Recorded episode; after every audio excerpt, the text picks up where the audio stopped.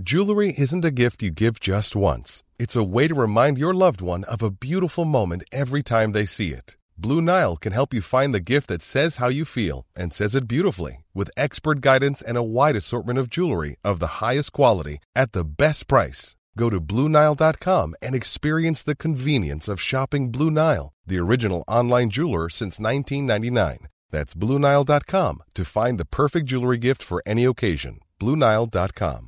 Hiring for your small business? If you're not looking for professionals on LinkedIn, you're looking in the wrong place. That's like looking for your car keys in a fish tank. LinkedIn helps you hire professionals you can't find anywhere else, even those who aren't actively searching for a new job but might be open to the perfect role. In a given month, over 70% of LinkedIn users don't even visit other leading job sites. So start looking in the right place. With LinkedIn, you can hire professionals like a professional. Post your free job on linkedin.com slash people today. Hey, it's Ryan Reynolds, and I'm here with Keith, co-star of my upcoming film, If, only in theaters May 17th. Do you want to tell people the big news? All right, I'll do it. Sign up now and you'll get unlimited for $15 a month in six months of Paramount Plus Essential Plan on us. Mintmobile.com slash switch. Upfront payment of $45 equivalent to $15 per month. Unlimited over 40 gigabytes per month. Face lower speeds. Videos at 480p. Active Mint customers by 531.24 get six months of Paramount Plus Essential Plan. Auto renews after six months. Offer ends May 31st, 2024. Separate Paramount Plus registration required. Terms and conditions apply if rated PG. Steve Jobs som sa det, du vet så här, om du inte tycker det är kul liksom, så kommer du ge upp undervis. Ja. För det är så jävla mycket skit att fixa. alltså hur bra koncept du än har och vad den håller på med så är det så här, hade man på förhand vetat hur mycket skit man ska gå igenom och hur, Ja. så här, hur enormt mycket energi det kräver liksom i år så det hade typ varit svårt att ta in över sig nästan eller man kan känna som man drunknar lite grann.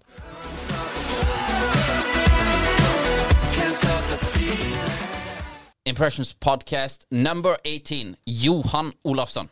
Första Tjena. svensken. Välkommen. Är härligt vilken heder det var första svenskan. Ja, ja, men vi måtte gå eh, nesten all the way to the top når vi skulle over landegrensen. Ja? Så vi har med oss en sinnssykt interessant gjest, eh, Johan Olofsson. Johan, eh, du er like gammel som meg, født i 89. Mm. Når kom du til Norge og fant ut at Norge var mye bedre enn Sverige? Det var egentligen lite slumpmässigt. Jag spelade hockey och så hade jag gått färdigt skolan i Sverige. Ja. Eh, Och så flyttade jag till Norge och så liksom startade här. Eh, Men så trivdes jag jäkligt bra då. Eh, Supertrevligt land, skönt folk, några rara dialekter. Men nej, nej, jag trivs sjukt bra i Norge på, på alla sätt egentligen. Och så Oslo är ganska så här mellanstad eller mellanstor stad. Liksom. Det är stort nog till att det finns mycket saker att göra men ändå känns det liksom lite trevligt och inte så opersonligt så trivs väldigt bra här. Ja, Hvor i, stå, hvor i Sverige er du fra? Eh, lite utanför Göteborg ursprungligen. Eh, En liten, Skåne? Eh, nej, det inte är helt Inte offside. Skåne.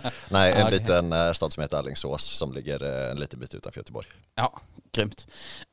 Du er jo kanskje mest kjent akkurat nå for å drive Ride, eh, elsparkesykler. Men det er ikke begynnelsen på din gründerreise. Eh, du jobba en stund i vanlig jobb. Hva, hva gjorde du? Når du kom til Norge, så var det hockey, og så Ja, eh, det är egentligen ganska fint tror jag att ha hela så grundhistorien för att här, ha något knaggar att hänga allting på. För det är så här, jag tror det kan vara lätt att se någonting som har hänt eller en person och så, Ja. ja. så här, ja den personen har nätverk eller fått till det här projektet eller whatever och så är det så svårt att sätta sig in i hur kommer man dit eller hur kan man få till det så här, det är fint att kontextualisera det lite med att liksom Ja. Alla startar på ett ställe och så är det massa händelser och så är det liksom några universella grejer som, som leder till någonting. Så um, när jag först eh, jag gick på hockeyskola i Sverige eh, och så flyttade jag hit liksom, när jag var färdig där och, och spelade ett år. Så hade jag helt vanliga eh, salsjobb eh, på, på ett par olika ställen. Eh, men jag hade alltid så här, ja, jag, hade massa energi och ville göra någonting men det fanns liksom ingen riktig plattform att utföra det på. Eh, så ofta i vanliga jobb så kan man känna lite att det finns massa begränsningar eller man vet inte helt vad man ska göra för att liksom komma vidare. Och det kommer jag ihåg att jag var lite så frustrerad över och liksom ville göra någonting.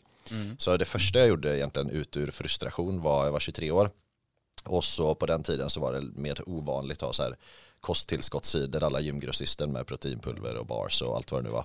Och i Sverige så var det mycket större utbud och mycket bättre prispunkter. Ja. Så jag var lite småirriterad och satt i bilen och bara, fan varför finns inte det här i Norge liksom? Det här är ju bullshit. Ja. Eh, och så bestämde jag mig bara, så, jag, lägger, jag lägger 100 timmar på att skriva en eh, businessplan liksom för en av de största aktörerna då i Sverige.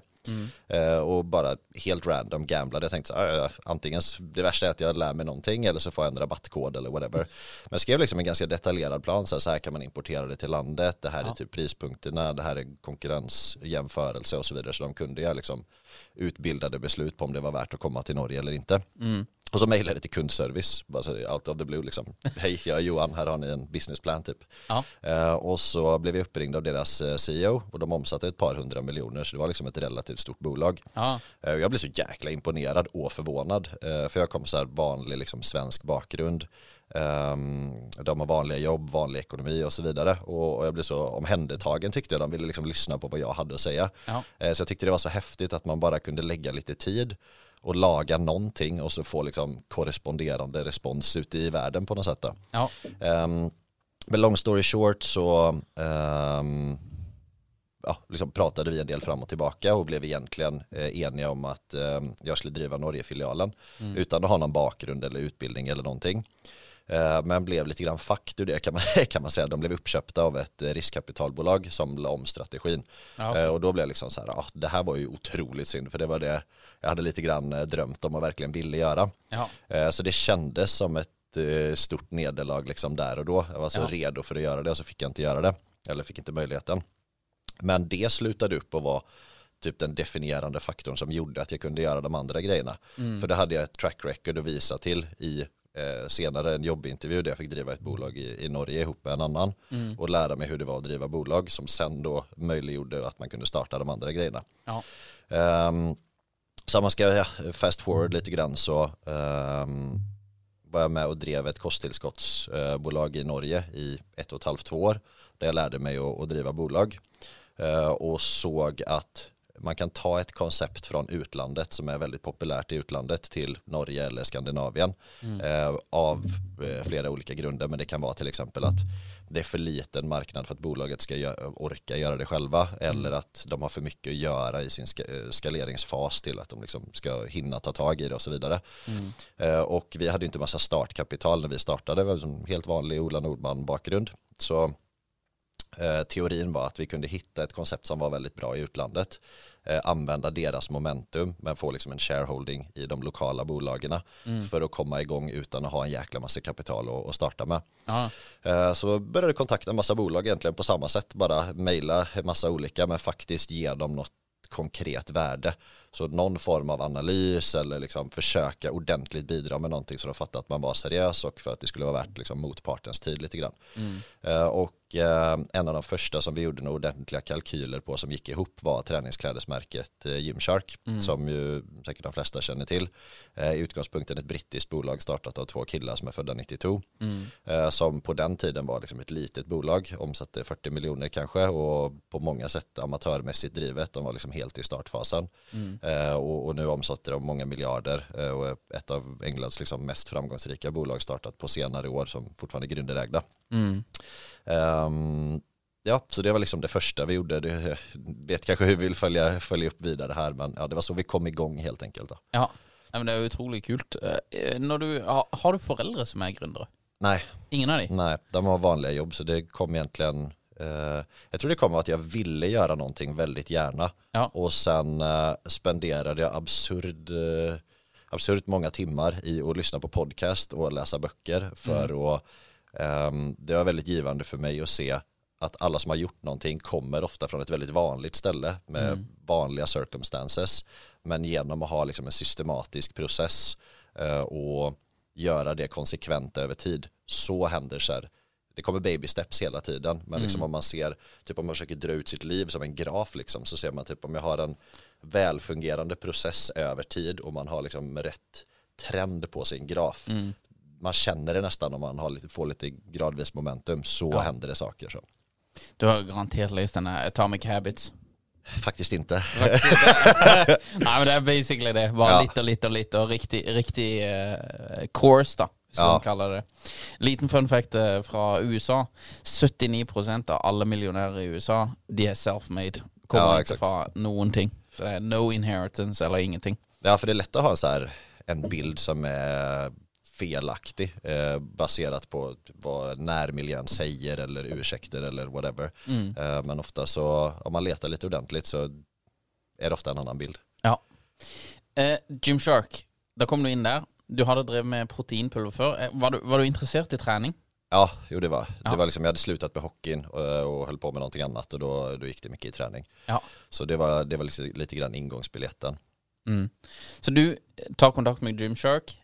De eh, går med på dette og, og du starter i Norge eller Skandinavia? Eh, Norge, Sverige, Danmark, Finland. Eh, och det var en jävla process eh, massa liksom eh, juridik och ja, eh, Ja. en lång, lång process och ganska komplexa avtal. Ja. Men long story short så är det lite som Möller bil är inte Audi eller Volkswagen eller vad det Ja. är liksom den lokala återförhandlaren kan man säga. Så eh, vi drev det i Norge, Sverige, Danmark, Finland som helt egna bolag, egenfinansierade, egen PNL etc. Ja. Eh, men liksom den lokala marknaden. Så vi var väl mellan 10 och 20 procent av globala omsättningen till en var tid. Ja, ok. Ja, något sånt. Det er ganske heftig. Men er du, er du som på en måte Møllerbil-importøren, da? Eh, Ja, alltså- eller, eller har du fysiske butikker også? Nej, vi gjorde allt via netthandel. Ja. Eh, dels så var det liksom, det var en mer det är mycket mer kostnadseffektivt att driva, vilket ger en högre marketingbudget som kan liksom driva mer hype. Ja. Eh, och ha- handeln gick liksom över mer och mer eh, åt det hållet. Mm. Så vi, vi hade ju, dels gjorde vi mycket bra, men så hade vi mycket flyt också. Typ så här, internetstrukturen i Skandinavien var bra, Ja. träningstrenden var ju right on point. Eh, Mm. På marketingdelen så var det så här, Instagram, Facebook ads var ju väldigt underprisat för det var basically ingen som gjorde det då. Det var det som byggde hela Gymshark. Ja. Så vi startade liksom från att vara ja, helt amatördrivet med massa pappboxar i första lagret vi hade var inuti Teliahuset utan toalett med eh, liksom, ja, i, i parkeringshuset i en egen liten lokal för det var det billigaste vi fick tag i. Ja. Eh, Men så gick vi från att omsätta noll till drygt 200 miljoner på tre år. Så det var ju fantastiskt, liksom första gründeräventyret, eh, eh, att det gick så fort och sådär. Men ja, det var både vi gjorde mycket bra och så hade vi flyt liksom på, på en del saker såklart också. Ja. Det är eh, väldigt veldig inspirerende og, og imponerende. Eh, når, eh, du, når du kjørte For det, dette, du, du vet jo garantert hvem Gary Vee er. Men han eh, kjørte jo eh, Facebook-annonser på en måte ting som eh, Eller annonser. Kjøpte annonser eh, på plattformer som var underprisa på den tiden. Hvor du får da ve- veldig høy value for money. Ser du Du driver jo eh, Driver du med marketing aktivt ennå? Ja, till viss del, men på ett Ja. annat sätt lite grann. Ja. Ser du noen plattformer eller eh, saker hvor du ville på en måte lagt pengene dine nå i dag, eller hvor, hvor ser du mulighetsrommet nå? For det, annonser på Facebook og Instagram har jo Du du kan fremdeles gjøre veldig gode kampanjer der, men det er iallfall steget litt fra Det är svårare såklart. Eh, men jag tror det viktigaste är att matcha produkten med målgruppen. Lite som du kan annonsera hur mycket som helst med någonting som inte är relevant.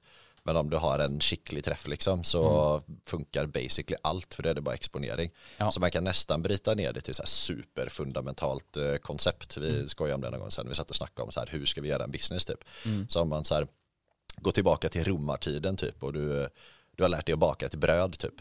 Och så bara testar lite grann, så här, fråga 20 pers, bara, vill du ha ett bröd liksom? Och så veta om priset och så, så här, om folk är så här, det här är bra skit liksom och så de tar sin kompis, bara han här vill också ha ett bröd och liksom du får traction utan att göra så mycket. Ja. Då vet man är on to, att man är on to something lite grann.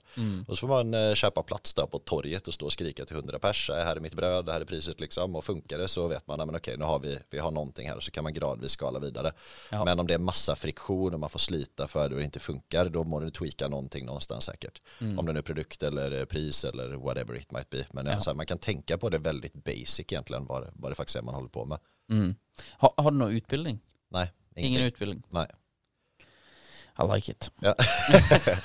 ja, utbildning. Ja. Men hjelper det? Vi vet inte ännu.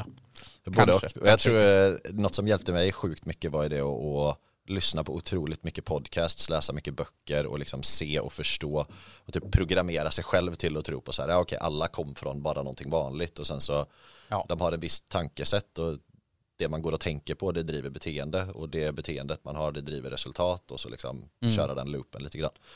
Hvor, på en måte, det, du har jo em, en del akademikere, eller, eller Eh, veldig flinke folk på skolen som på en måte vet ofte eh, hvordan du egentlig skal gjøre ting, og på en måte vet på en måte fundamentet og sånn. Og så opplever jeg at du har en eh, sånn egen gruppe med eh, type dreamers, nesten, som tror at de kan gjøre noe. Og de har ikke eh, nødvendigvis alltid de samme utbildningene, men det er jo veldig mange av disse her som tror at de kan få til noe, og på en måte de bare pusher gjennom det. Eller sånn her, eh, Så du pusher på en måte, og så får du litt eh, kunnskap på veien og sånn. Og, hvor, viktig er på en måte den der eh, driven eh, om det å faktisk believe liksom at du kan, uten at vi skal helt inn på the secret, men, Ja, men. Nej men helt avgörande tror jag. Eh, för Ja. det som typ eh, Steve Jobs som sa det, du vet så här, om du inte tycker det är kul liksom, så kommer du ge upp undervis. Ja. För det är så jävla mycket skit att fixa. alltså hur bra koncept du än har och vad den håller på med så är det så här, hade man på förhand vetat hur mycket skit man ska gå igenom och hur, Ja. så här, hur enormt mycket energi det kräver liksom i år så det hade typ varit svårt att ta in över sig nästan eller man kan känna som man drunknar lite grann. Ja. Eh, men eh, man vet ju inte det på förhand så man kör ju bara och så ja. ja, så är det. Gymshark, du håller på med det hur länge? Eh, det var i tre år och sen eh, vi hade ju en ganska en lyx då ärligt talat men samtidigt så var vi väl kanske smarta nog att förstå att vi hade den lyxen för vi hade ju tillgång till liksom ja, lite som ni har här, du vet resurser, vi hade personal, vi hade massa influencers, vi hade massa kontextförståelse i branschen, vi hade producenter så vi hade liksom ett väldigt bra grundlag. Så det vi kom att tänka på efter ungefär två år när vi höll på med Gymshark var att men vi kan ju sälja andra produkter till samma målgrupp.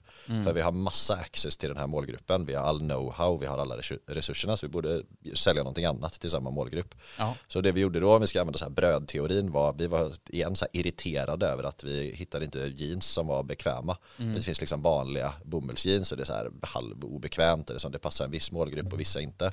Eh, och vi ville ha någonting som kändes lite mer som mjukisbyxor men det skulle liksom se ut som jeans och det skulle vara jeans. Liksom själva tygkvaliteten. Eh, och så tänkte vi bara, äh, men fan, vi testar då. Så vi skickade ut det till massa influencers och det var ju primärt jänteomsättning då. Eh, men så skickade vi det till dem och det var så här formsydda, väldigt behagliga eh, jeans i den passformen. Så liksom väldigt Instagram-friendly. Det bilder, likes och, och hela den där packen liksom. Ja. Eh, och de flesta var liksom så här, det här är helt awesome, det här är bra skit liksom. Ja. Eh, och det tyckte, det tyckte vi var lite så häftigt också. Vi bara, Okej, nu har vi bara hittat på en egen produktkategori och testar om det funkar liksom.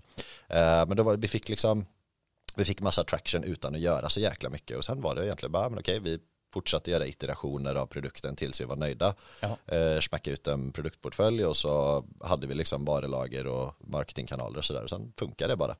Ehm, så det, jag kom igång väldigt fort. Jag tror det var så här en helg eller två helger efter vi hade lanserat när vi hade typ lagt ut alla färger så omsatte vi en halv miljon eller någonting så här, någon vecka in i, i liksom bolaget och då var det så här okej det här kommer funka liksom. ja.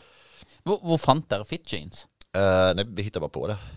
Du hittar bara på det? Ja, Ja, och så ja, vi- ringer du China och säger vi vill Jag gick i China, det var Portugal, eh, Portugal-produktion. Men Ja. eh, det var lite roligt, så ja, vi bara kollade om märkesnamnet var ledigt och liksom sådär. Och så domänen var det en amerikan som hade, Mm. eh, som sålde så här eh, artifacts. Så han sålde så här gamla böcker och religious stuff och sådär. Så vi bara ringde han bara, hallå, tjena, du, vi skulle vilja köpa din domän typ. Och sen bara, okej, ni kan få köpa den. Och så höll vi på lite grann fram och tillbaka. Så det är massa sådana märkliga grejer som man bara får reda ut liksom. Eh, och, och få till så man inte, det finns inget svar riktigt på hur man ska utreda. Men så in, in short så, ja, vi producerar dem i Portugal, olika producenter där. Eh, och så hittade vi på varumärkesnamnet själva, gjorde hemsidan själva. Det är ju lyx idag liksom, det finns Shopify som är en så här, för folk som inte vet det, är typ lite som nästan en app. Du Ja. laddar ner och det finns mycket, du bara lägger in en betalningslösning, lägger in en shippinglösning och så här, de har gjort det väldigt bra för den. Ja. Så eh, enkel webbplattform och sen så var vi igång eh, ganska fort. Mm. Mm.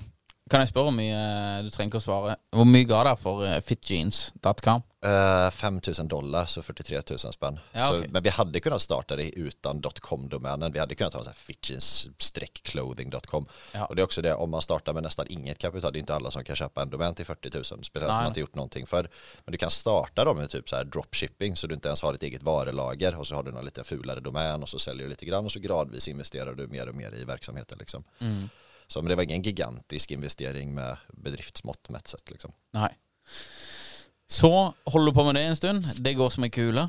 Ja, det gick bra väldigt fort och så när vi höll på med det så var det, jag hade en kompis som eh, höll på med bordtennis som hade bott i Kina som snackade kinesiska. Um, eh, lite ja, märklig bakgrund. Men så han eh, hade köpt sig en elektrisk sparkcykel i mm. Kina och mm. sa liksom, eh, fan det går inte att röra sig i Shanghai, det är så jävla mycket folk.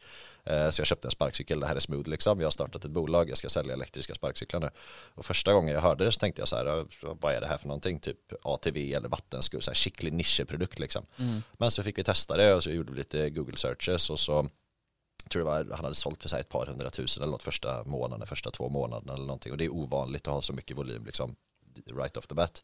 Eh, så det slutade med att vi köpte eh, en del av det bolaget och så började vi jobba ihop med han som heter Espen som också är medgrundare då i, i Ride. Mm. Så vi jobbar en stund med Bydue som säljer elektriska sparkcyklar. Mm. Eh, och så um, då hade, det, då hade det precis, det var någon som hade startat i USA, eh, det fanns någon i Asien men det var ingen som gjorde det här i Europa. Mm. Så vi är också lite så halv crazy bara, men vad fan, vi, vi, vi bestämmer oss för att testa utlejekoncept liksom eh, och gör det i Europa för det var ingen som var igång eh, då.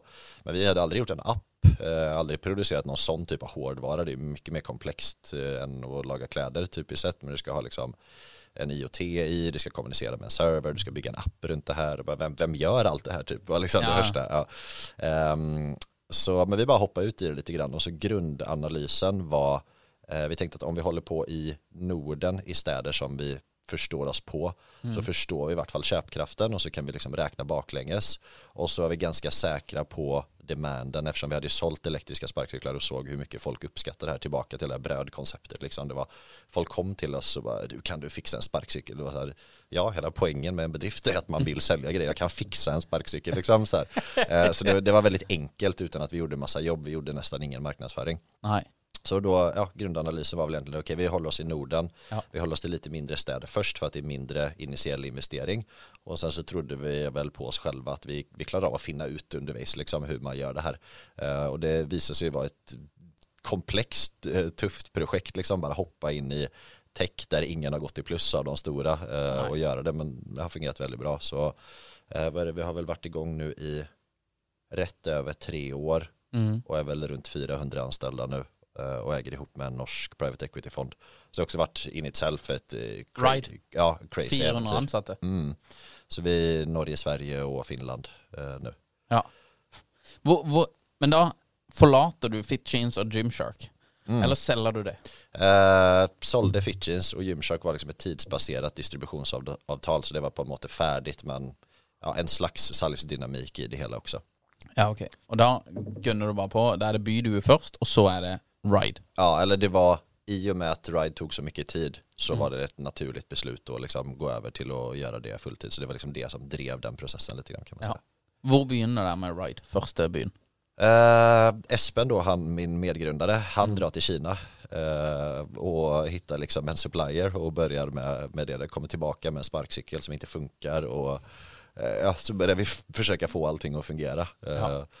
Och det var ett helvete, milt, milt sagt liksom. Och det var ju så här, det var ett race liksom för den som kan lansera först, den får typiskt sett access till kapital också, för den får proof of concept och allt det här. Mm. Uh, så det var, uh, ja, det var mycket jobb och otroligt spännande och vi har lärt oss väldigt mycket. Men helt klart utmanande liksom att komma igång också. Ja.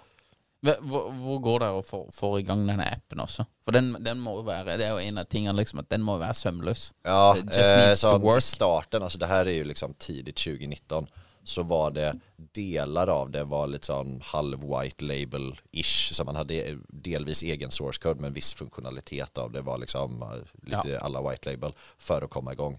Eh, och de systemen sög eh, för alla. så massa problem liksom. Vi hade så komiska problem typ Eh, om vi kom upp i x antal users som ja. liksom är bra kommersiellt, och det var så här, säg 100 personer kör samtidigt, vi var så här, åh 100 personer samtidigt, det här är bra, ja. så kunde servern krascha för att den klarade inte av att hantera trafiken, så det var så här, inte fullt så bra, kan vi vara på 80 typ, så här. må, deaktivera, må deaktivera cyklar man har, typ. det var sådana här massa roliga problem, men alla hade ju de här problemen, ja. alla bolagen. Uh, ja. Nej, det är fint. Eh, för för mycket kunder så går det inte. Ja, exakt. Massa sådana där grejer. Ja. Men eh, det, det begynner i Oslo. Eh, vi startade först i Oslo, var här i typ tre veckor och sen Ja. hade vi, vi hade en skitliten sparkcykelflotta, vi hade bara ett par hundra stycken. Ja. Eh, och de andra var, Hur, hur mycket kostar det med 100 sparkcyklar? eh, det är ett par miljoner ändå. Ja. Eh, så det var liksom Detta går dere in med selv. Ja. Exakt, helt självfinansierade. Ja. Så, um, eh, och de andra hade ju flera tusen per stad typiskt sett. För de var primärt, och är primärt, eller i stort sett i huvud, i, egentligen helt igenom ägda av flera olika riskkapitalfonder. Okej. Grundarna har typiskt sett ett par procent liksom, men ja, Ja. det är många fonder som äger dem eh, i all huvudsak. Mm. Eh, så de hade flera tusen sparkcyklar och då såg vi att okej, vi kan inte vara i Oslo över tid om vi har eh, 500 och de andra har 4000 liksom. Nej, nej. Så var jag så här, okej vi må dra till mindre städer först, eh, utveckla tjänsten, Mm. eh, gå med vinst, så kan vi hämta lite grann eh, kapital externt och då behöver vi heller inte ge upp en speciellt stor andel av bolaget för att då kan vi liksom ha en bättre värdering och så. Så vi tog det lite långsammare, vi gick till färre städer, så vi gick liksom inte till 100 städer på ett år utan det var färre städer först och så tog vi det lite mer gradvis. Ja. Og så eh, gunner dere på, og da er det, det Dere drar til Bergen og flere, flere norske steder. Ja exakt, vi startade med att ta de flesta norska städerna utöver Oslo första ett, ett och ett halvt året något sånt. Ja. Eh, och det fungerar väldigt bra, eh, eller kommersiellt sett, demandmässigt sett. Mm. Eh, och vi fick utveckla tjänsten och även teamet liksom, så man lär sig hur man driftar den här tjänsten. Eh, vi använder också inga tredjeparter så vi har liksom inga utförande tredjeparter som gör driftsarbetet utan vi gjorde allting själva och byggde upp den kompetensen i organisationen. Ja. Som nu sett i efterhand är en jättestor eh, fördel och liksom väldigt viktigt för hela konceptet och för att få hela unit economics att gå ihop. Ja. Eh, och sen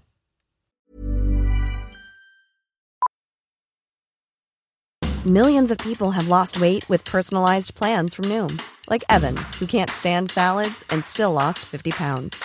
Salads, generally, for most people, are the easy button, right? For me, that wasn't an option. I never really was a salad guy. That's just not who I am. But Noom worked for me. Get your personalized plan today at Noom.com. Real Noom user compensated to provide their story. In four weeks, the typical Noom user can expect to lose one to two pounds per week. Individual results may vary. Burrow's furniture is built for the way you live. From ensuring easy assembly and disassembly to honoring highly requested new colors for their award-winning seating, they always have their customers in mind. Their modular seating is made out of durable materials to last and grow with you. And with Burrow, you always get fast, free shipping. Get up to 60% off during Burrow's Memorial Day sale at burrow.com slash ACAST. That's burrow.com slash ACAST.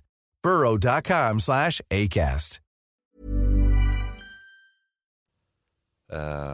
Gick vi in i Oslo igen i 2021 och så var det ju en del kringliggande, på tal om utmaningar, liksom, eh, små juridiska battles med olika kommuner där liksom någon ville kanske helt förbjuda sparkcyklar eller någon ville säga att det skulle vara 200 sparkcyklar per aktör i en stor stad. Och då var det inte kommersiellt hållbart, alltså då gick det liksom inte att göra en business på det. Så vi måste lite grann eh, kämpa för livet eh, i, i de ställena. Så det var också en eh, speciell upplevelse. eh, Ja. Var, var det verre i Norge enn i de andre eh, landene? Det var nog lite mer polariserande i Norge. Eh, Ja. Men det har varit, det har varit sådär eh, mer eller mindre eh, konfrontationer överallt i olika stor grad. Ja. Eh, liksom både i Europa och USA. Ja, ok. Just för att det är så här, eh, folk vill ha tjänsten. Det finns Mm. en jättestor efterfrågan och företagen vill fylla efterfrågan. Mm. Och så myndigheterna får klagomål på att de kan stå i vägen eller whatever it might be. Eh, och så liksom blir det lite en clash då när myndigheterna säger vi vill kontrollera det men i hur stor grad och hur, hur snabbt hinner de hänga med och om utvecklingen ändrar sig väldigt mycket om de ska reglera någonting men gör det och utvecklingen sen går vidare. Det är, liksom, det är ett komplext ämne från alla som är, som är med och deltar i att försöka liksom hålla på med det och det, det förstår man ju. Ja, jeg fatter det. Fatter det. Men da har dere rettssaker rundt om i hele Norge, i alle slags små kommuner og sånn her? For jeg har sett det Nej, inte i- alla men eh, det var liksom, de största var i Trondheim och Bergen Ja. Eh, och där var det ju flera runder och här, ganska omskrivet och så här, mycket mediastyr runt det. Ja. Ja. ja, men jo eh, Har det, eller er det pågående, eller? Eh, både och. Ja. Eh, så, men det som var viktigast för oss egentligen det var eh, den saken som gick till högsterrätt som var liksom mest omskriven. Mm. Det var den om man kunde reglera sparkcyklar nästan helt fritt, alltså säga det ska vara så här, att myndigheterna basically kan vara diktator och, och säga vad de vill, Mm. eh, utan att det kommer en specifik lov som berör det ämnet. Ja. Eh, och den saken vann vi och det gjorde liksom att vi fick driva då i alla åren och bygga upp sällskapet. Och sen så kom det en explicit lov som säger okej myndigheter kan vara med och reglera vissa saker eh, och, och liksom ha ett visst handlingsrum. Eh, och det är väl fortfarande inte helt avklarat exakt hur, hur det ska funka men det finns liksom en explicit lov som praktiseras i stor grad och den förhåller sig eh, folk till. Mm. Mm. Det er veldig interessant åssen man eh, plutselig havner opp i det når man egentlig skal eh, bruke all energi på å bygge foretak. Ja. Så skal plutselig eh, battle med the government også. Dere henter, dere henter penger til slutt. Mm. Hvor viktig vil du si at liksom hva, hva, hva er på en måte de største fordelene dere fikk av å hente penger? eh? Eh, I sparkcykelindustrin så är det kapitalkrävande bara för att du måste ha sparkcyklar och sparkcyklar är dyra. Så där är det liksom en given att du måste ha det. Så, Men det är väldigt individuellt från bransch till bransch. Ja. Som i netthandel så behöver du ofta väldigt lite eller ingenting eller du kan liksom ta en annan väg för att komma dit. Så jag tror det viktigaste är eh, så här, internt ibland när vi snackar om det, så här, ha typ god smak lite grann eller så här, förstå eh, vad är det som gör att någonting funkar och så testa det så mycket som möjligt. Eh, testa om det funkar, liksom. vill folk ha tjänsten till den prispunkten med eh, de termsen som du kan ge med allt och det är frakttider eller whatever. Eh, och um, om du liksom klarar av att träffa rätt på det konceptet och liksom ja, verkligen bidra med någonting som är bra, alltså laga någonting som folk verkligen vill ha och de menar att du eh, ger värde till eh, the marketplace, då, då är man on to something. Ja. Mm. Hvordan holder man 400 ansatte fornøyd? Eh, jag tror aldrig man kan ha alla förnöjda hela tiden. Nej. Eh, nej men det är, sån, det är ju iterationer. Så typ som, så som bolaget var i starten liksom, så var det fem kompisar liksom och då är man väldigt in på varandra och sådär och inga processer. Nej. Och sen när man är 200 personer så har liksom en ekonomiavdelning och en sån avdelning och en sån avdelning och så det blir liksom mer, mer system på allting helt enkelt. Ja. Eh, Men något som jag tycker var lite mindfuck när man startar är att om man kollar på någonting utifrån, typ så här, du kollar på ta SAS då, så, här, åh det är så stort, det är så komplext och jag kan aldrig fatta så här. Nej, det är bara en massa iterationer och sen så är det mycket enklare än vad man egentligen tror att det är för det är alltid uppbyggt av folk Ja. och så är det liksom bara om du tar ekonomichefen så är liksom han är expert på just det området så han styr sin grej och så han har folk som styr den typen av eh, ekonomiavdelningen som då är löneavdelningen eller det eller så det är liksom det är mer fragmenterat och sen är det ofta ett resultat av tid bara så det är så här, om du jämför någonting på sex månader så är det svårt att smacka ihop någonting som funkar på alla sätt men har du 20 år på dig så är det otroligt vad man kan få till liksom. Ja. Mm. Hva syns du om, eh, hva syns du om det å drive bolag i Norge kontra Har du drevet bolag i Sverige? Ja, det har du är hela tiden egentligen. Ja. Alla, koncept, ja, alla koncept har varit i Sverige så gjort det parallellt. Er det noen det store forskjeller, eller? Eh, Norge och Sverige är ganska motsvarande på många sätt skulle jag säga. Ja. Det är som så små skillnader i typ eh, ja, hur du sköter eh, ekonomin eller feriepengar eller skatter eller sådär. Men typiskt sett är eller klimatet för att driva sällskap är väldigt motsvarande. Ja. Eh, Finland är lite annorlunda faktiskt. Eh, för det är första året i år som vi är i Finland. Och Ja. Med Ride? Ja, det är ganska stort i Finland, det är ett jäkla kul land. Ja. Eh, där är lite annan kultur, folk är så här eh, lite lugnare, eh, väldigt autentiska och så eh, lite mer, vad ska man säga, så här, respekt för systemet typ. Så folk är lite mer så här eh, fyrkantiga regelrätt, de går inte på röd gubbe liksom Nej. eh, i, i något avseende. Och ja, det är lite annat kulturellt, men eh, kul. Nord, nordiska länderna är ju ganska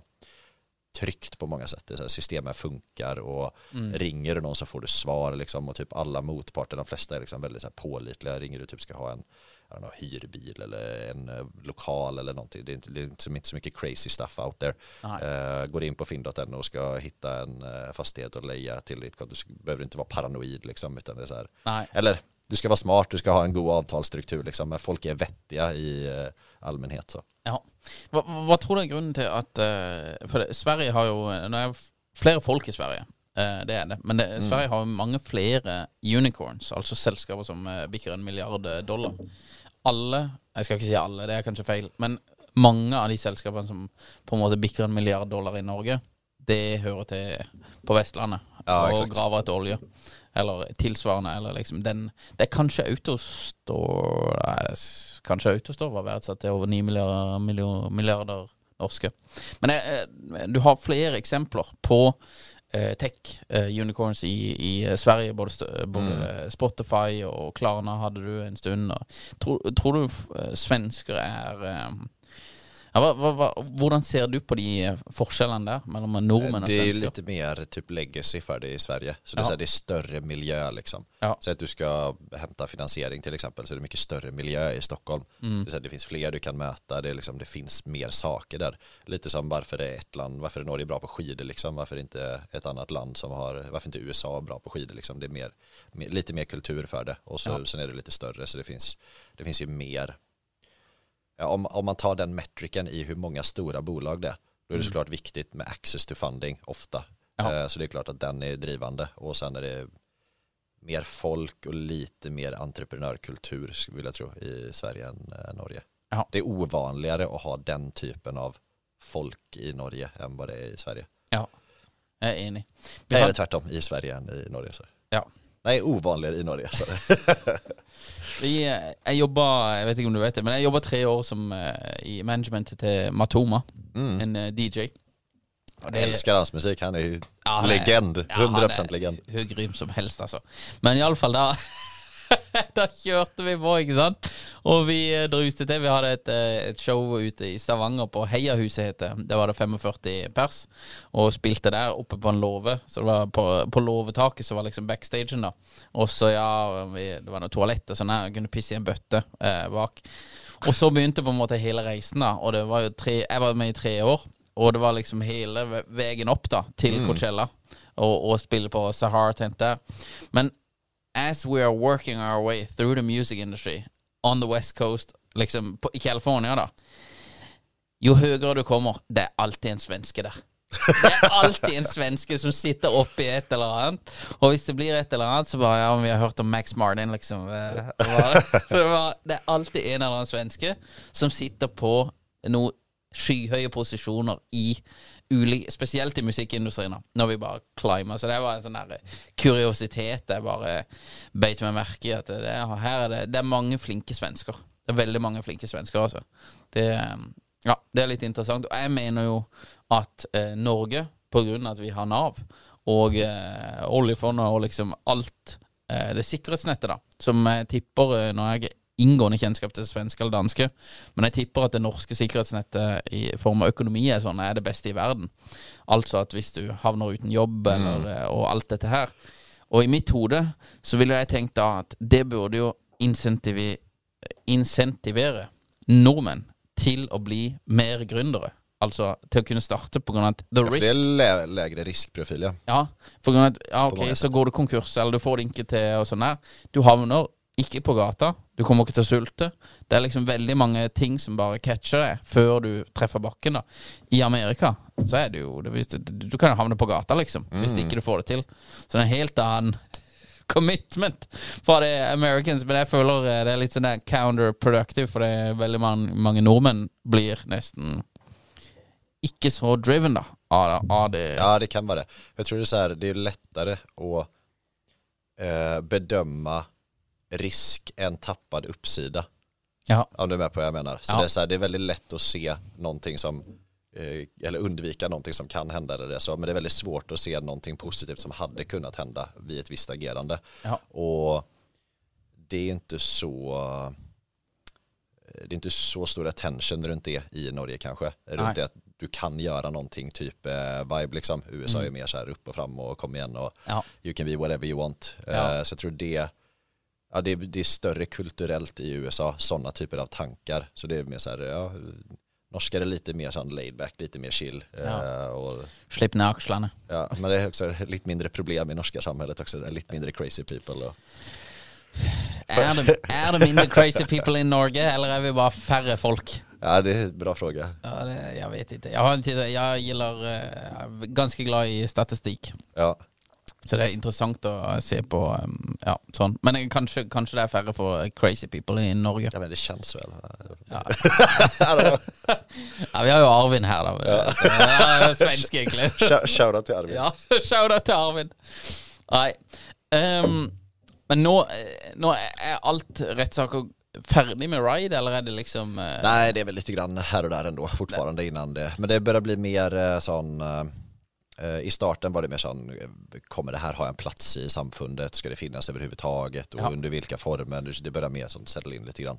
Ja. Och sen är det en annan faktor som också ändrar landskapet lite grann. Och Det var att i starten så var det extremt mycket funding in eh, på ett fåtal bolag som hade liksom flera miljarder att röra sig med. Ja. Eh, Och då händer saker som inte är normal marknadsdynamik. Alltså då kan du ta massa investeringar och säga ja till regleringar som egentligen inte möjliggör att ha en sund business. Mm. Men du säger ändå ja för du tänker att vi kan bara blöda pengar i tre år för då försvinner kanske några konkurrenter. Ja. Så det blir liksom så här helt förvriden marknadsdynamik. Mm. Men över tid så försvinner det lite grann och på grund av så som eh, liksom, ekonomin är just nu Mm. så får eh, de andra bolagen som initiellt hade väldigt mycket funding också med att förhålla sig till riktig, riktiga spelregler lite grann eller faktiskt betala sina fakturer eh, och då eh, det förändrar landskapet ordentligt så det ser vi ju typ som ja, det är ju ingen av de andra som har gått med vinst och har ju gigantiska förluster. Eh, så um, ja, det ändrar dynamiken lite grann ja. For det, dere er i Oslo nå også? Nej, Det är inte i inte i Oslo. Oslo. Vi har huvudkontor i Oslo men eh, i den anbudsrundan som kom så tappade vi dessvärre Oslo. Eh, Ja. Så det var väldigt surt. For det var bare tre, det er tre selskaper Ja, det är det. som, som kan drive i Oslo. På den tiden så var vi också eh, i antal resor cirka dubbelt så stora som den näst största aktören i Norge sett i alla norska byar samlat sett. Ja. Eh, så det var väldigt frustrerande att vara liksom den tjänsten som fungerade bäst kommersiellt men eh, bli, att någon valde på, på liksom, Ja, ja, lite andra premisser.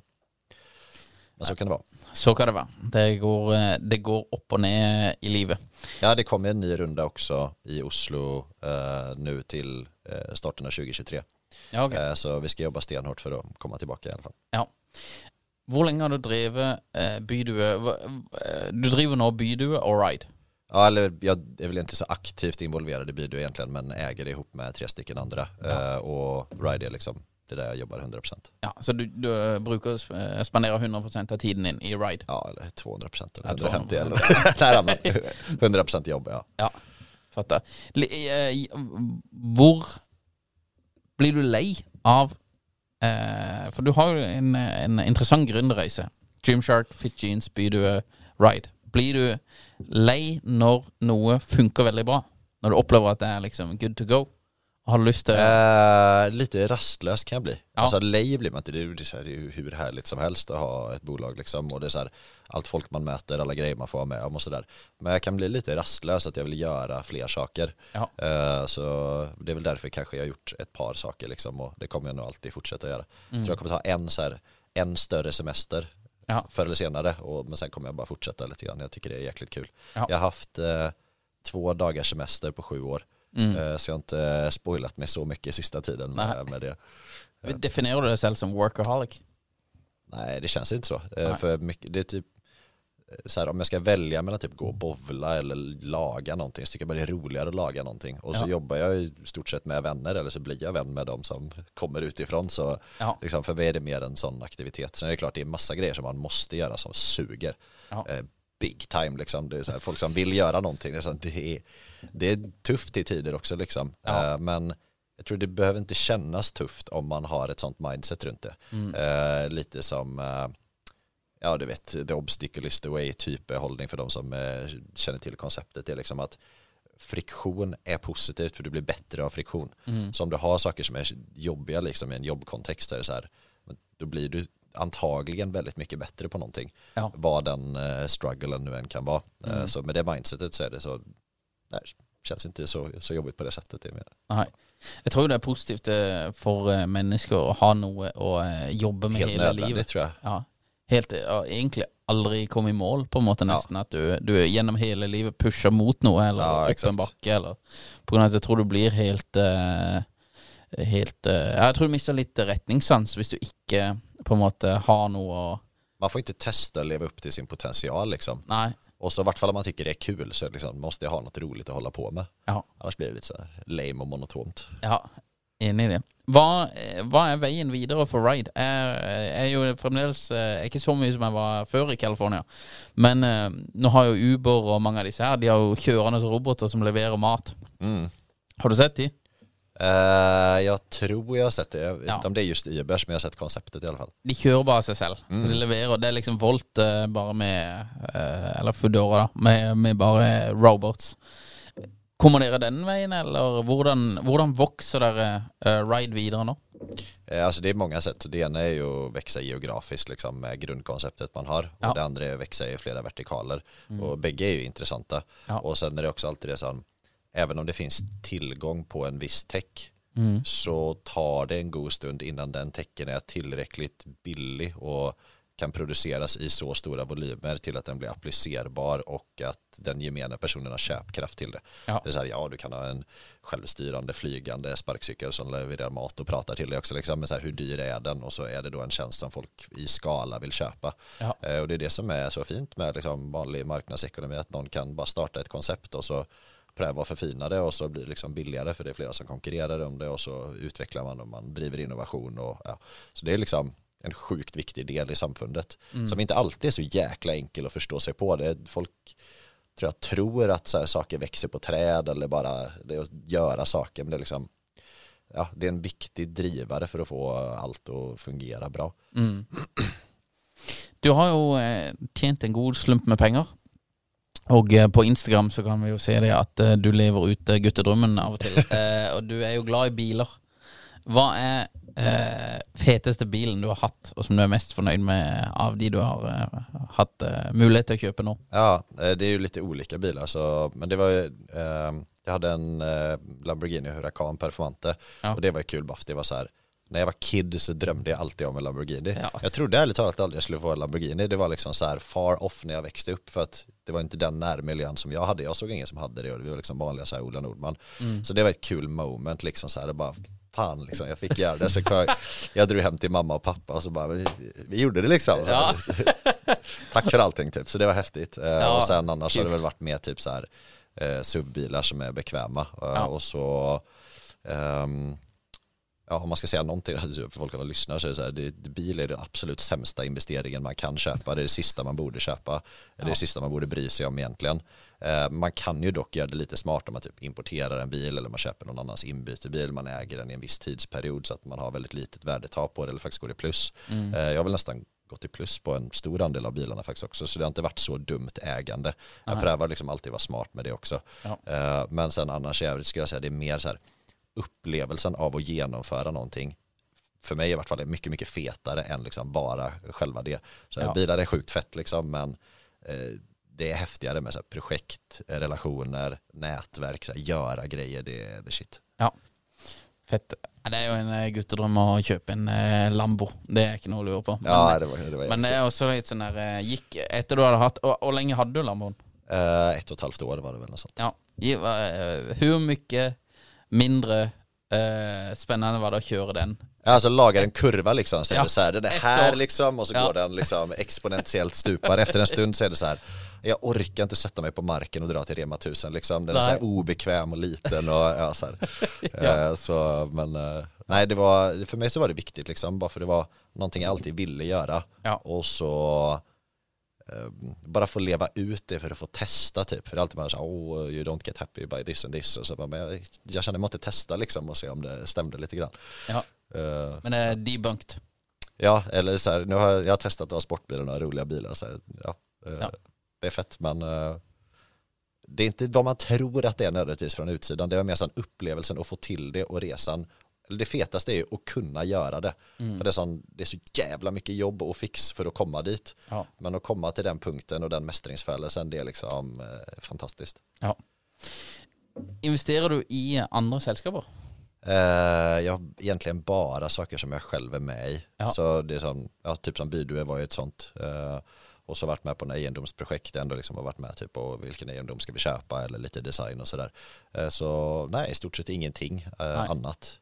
Eh, bara för att eh, det känns rätt, det är det väl sant. Säkert lite lost potential, men det är sånt, man hinner inte göra allting. Nej. Och så om man ska kolla track record-mässigt så har det gått bra att ha liksom den eh, preferensen som jag haft. Så jag tror jag kommer göra det säkert när jag jobbar lite mindre så jag har tid att sätta mig in i saker. Men jag gillar inte att göra saker så här blind eller inte med för lite info till att det känns som ett riktigt utbildat beslut. Ja.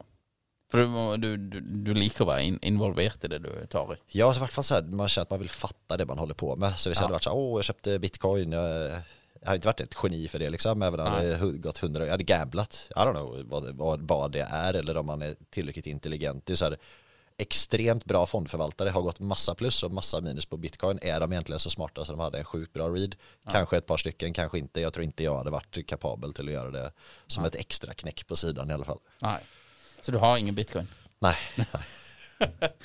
Nei, vi, eh, nei, da har vi fall fått eh, knøkket det. Nei, jeg tror eh, Nå er det jo mange som har mye god peiling på, på krypto og sånn her, altså, men jeg føler at mange som uttaler seg mye om krypto, de har lest liksom eh, en halv dag, og så bare Nå har vi full peiling på blockchain, og jeg tror fremdeles hele blockchain er på en måte litt kanskje som internett var før. At man egentlig ikke vet helt hva man skal bruke det til ennå, eller hvordan det best mulig blir anvendt. da At man fremdeles er liksom i bare det fundamentet eh, stage av hele greia. da At det kommer til å bli noe helt annet enn enn det man kanskje så for seg at det skulle bli.